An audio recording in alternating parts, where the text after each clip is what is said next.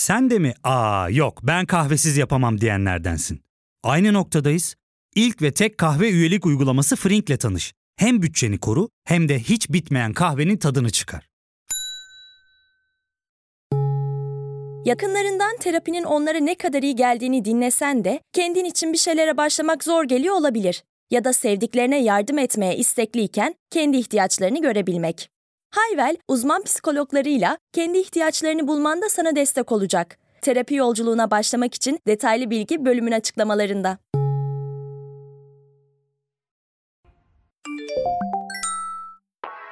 Sevgili Rayka, galiba ben daha önce hiç orgazm olmadım. Bu normal mi? İlişkideyken değil de mastürbasyonla orgazm olabiliyor. Bu normal mi? Bilemem diğerinden daha büyük sanki. Bu normal mi? Erkek arkadaşım poposunu ellememden çok haz etmiyor. Bu normal mi? Dün gece sevişirken aklıma bir anda başka biri geldi.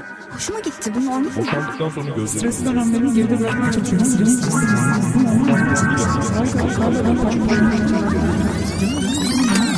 Evet, gelen kutusuna hoş geldiniz.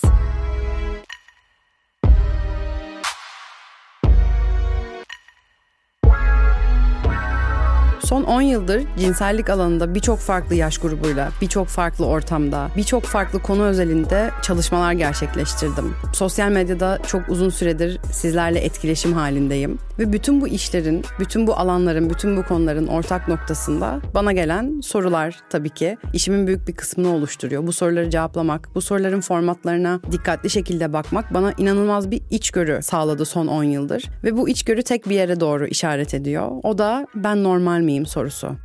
Aslında insanların, siz sevgili dinleyicilerin, beni yıllardır takip edenlerin, eğitimlerime katılanların aklında belki de en temel soru bu. Ben şunu deneyimliyorum. Ben çocuğumla böyle iletişim kuruyorum. Ben böyle sevişiyorum. Ben bunu istiyorum ya da istemiyorum. Ben normal miyim? Bu normal mi?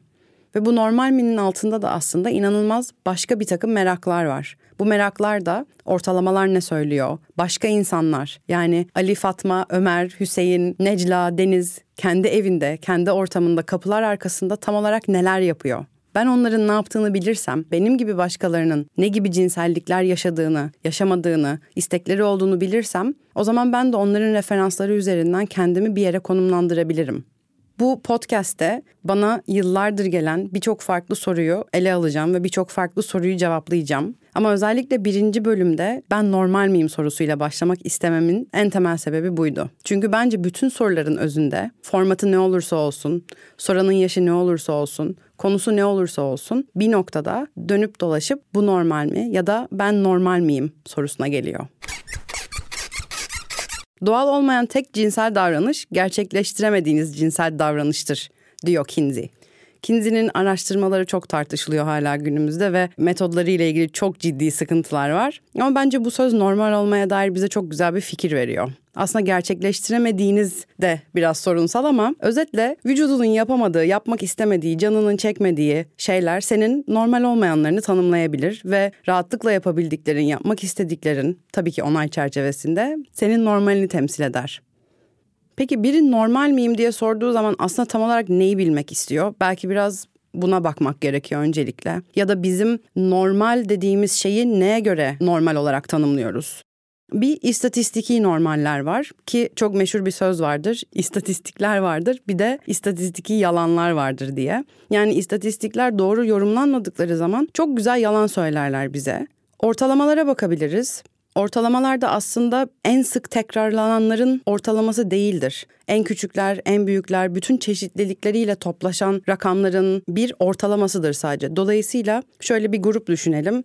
İçinde 3 tane ikimiz var ve 3 tane dördümüz var. Bu grubun ortalaması 3'tür ama 3 ne 2'yi temsil eder ne 4'ü temsil eder. Dolayısıyla aslında ortalamalar da bize çok gerçekçi bir tırnak içinde normal ya da anormali vermez. Üçüncü olarak popüler medyaya bakabiliriz. Cinsellik söz konusu olduğu zaman en sık konuşulan, popüler medyada en çok karşımıza çıkan şeyler belki bizim ya da toplumun normalini yansıtabilir. Ama clickbait diye bir şey var bildiğiniz üzere. Dolayısıyla popüler medyaya yansıyan araştırmaların kalıntıları, kırıntıları genellikle toplumda en çok kaygı, korku, heyecan, şok etkisi yaratacak kısımlar olduğu için maalesef bunlar da genellikle bizim normalimizi ya da anormalimizi yansıtmaz.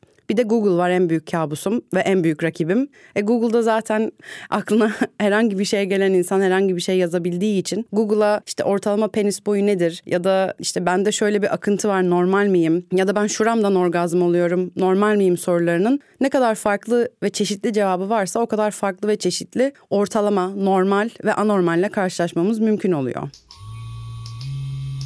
Bir de tabii arkadaşlarımız var. Arkadaş ortamında bir şeyleri konuşarak biz ben normal miyimi anlamaya çalışıyoruz. Ama aslında arkadaş ortamları da özellikle daha genç yaşlarda biraz performans anksiyetesinin ya da performans kaygısının başladığı nokta diyebiliriz. Çünkü birilerine hava atmak için bizde olan bir şey olmuyormuş gibi olmayan bir şey oluyormuş gibi, 5 santim olan bir şeyi 15 santimmiş gibi yansıtma ihtimalimiz birazcık daha yüksek olabiliyor.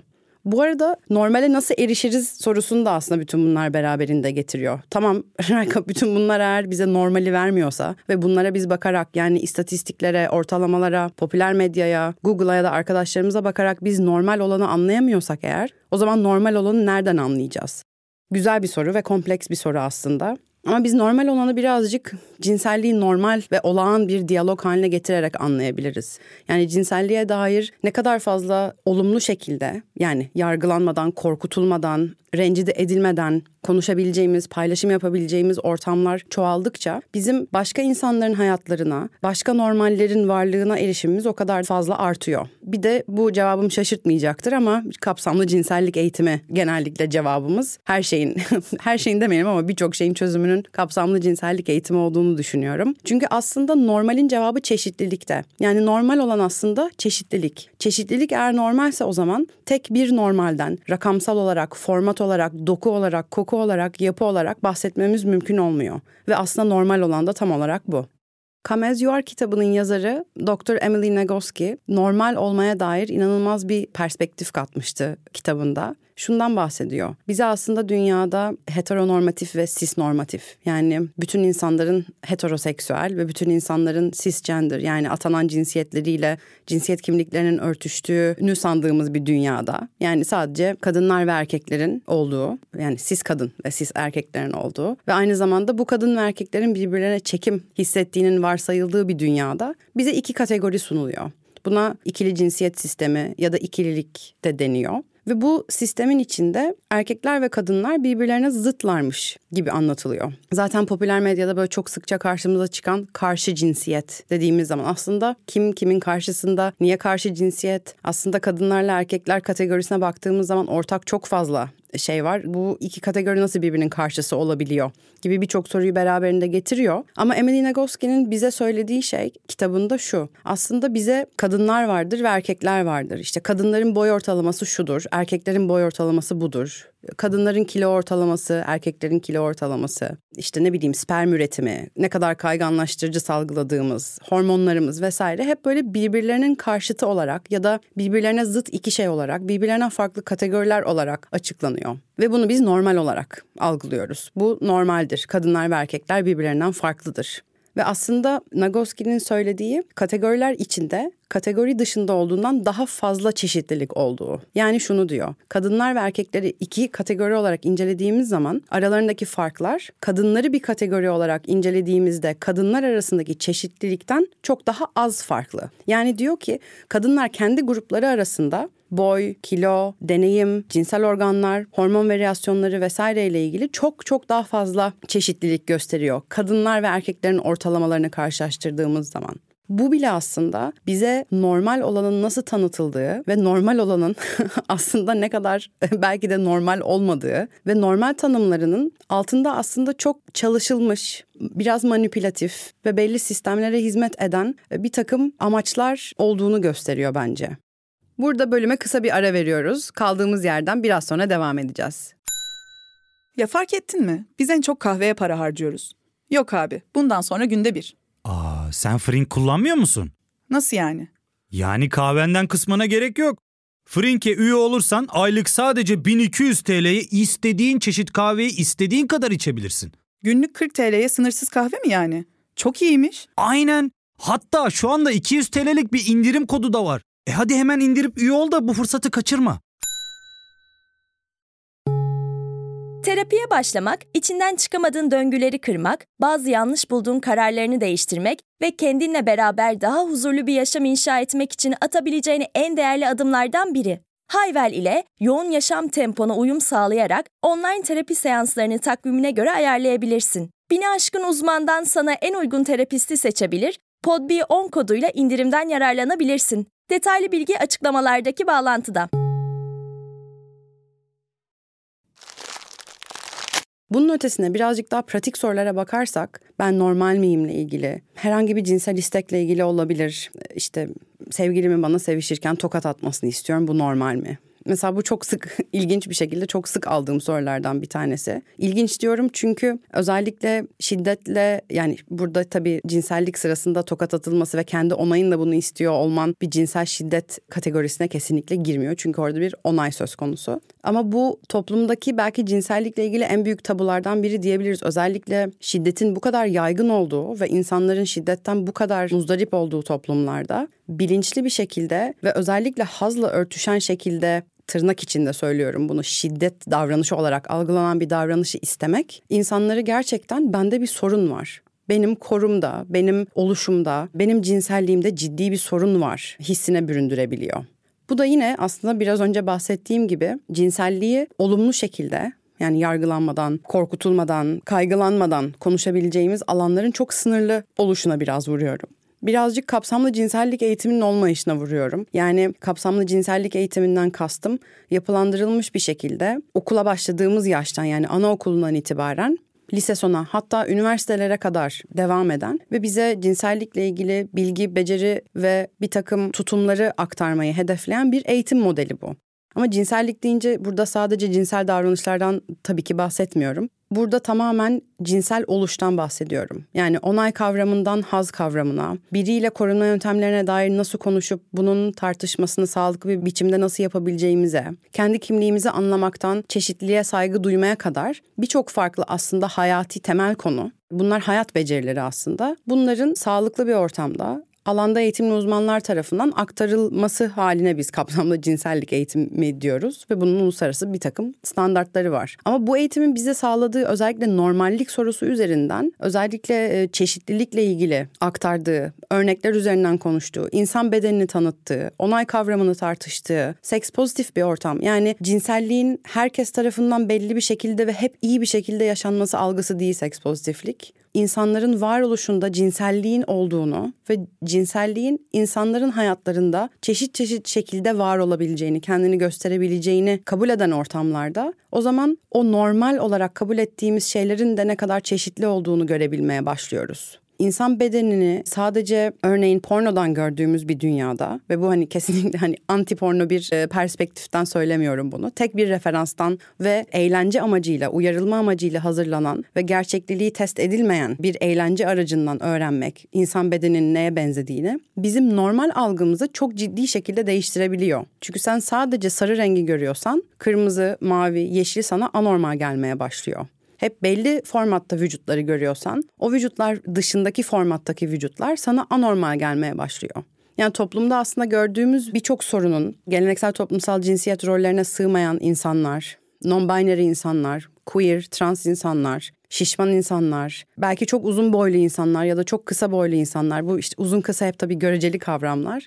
Bunların bir şekilde dönüp tekrar bakmamıza vesile olan anlamamız gerektiğini sanmamız. Yani bir durup bir dakika bu insan işte kadın mı erkek mi tam olarak anlayamıyorum ya da bu insan acaba hani bir rahatsızlığı mı var? Niye böyle? Şöyle mi böyle mi diye insanların varoluşları, dış görünüşleri, davranışları üzerinden kendimize onların ne olduğunu tırnak içinde anlamaya bir hak görmek. Yani ben bunu anlamalıyım. Çünkü bu insan normalin tırnak içinde ve standardın dışındayı bize veren şey aslında insanların varoluşları, oluşları, dış görünüşleri, formatlarıyla ilgili bir takım normallerimizin olması. Ama bu normaller olağandan gelmiyor. O yüzden de normal kelimesi yerine genellikle kurduğum iletişimlerde hep olağan şeklinde bir cümle kurmayı, bu kelimeyi kullanmayı tercih ediyorum. Çünkü olağan olan yani etrafımızda zaten hali hazırda gördüğümüz şey çeşitlilik. O zaman eğer olağan olan çeşitlilikse normal olan da çeşitlilik olmalı.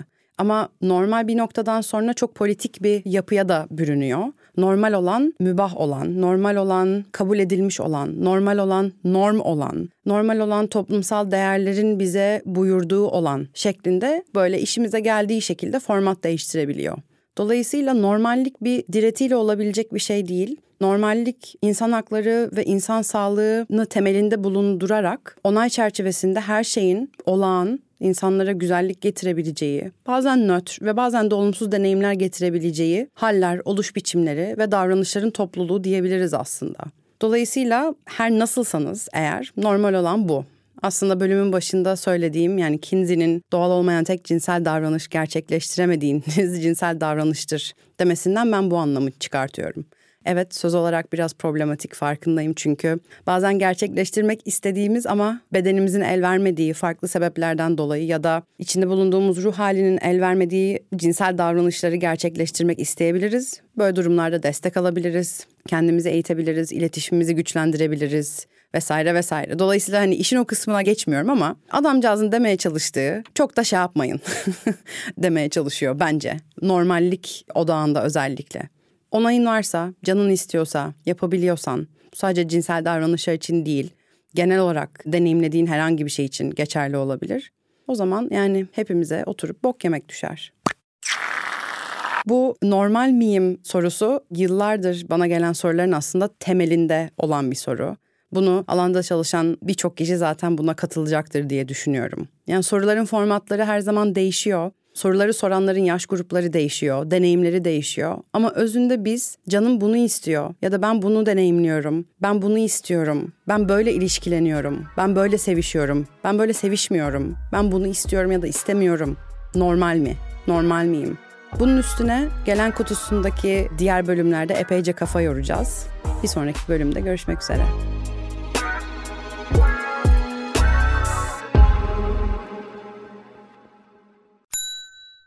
İlk ve tek kahve üyelik uygulaması Frink, 46 ildeki 500'den fazla noktada seni bekliyor.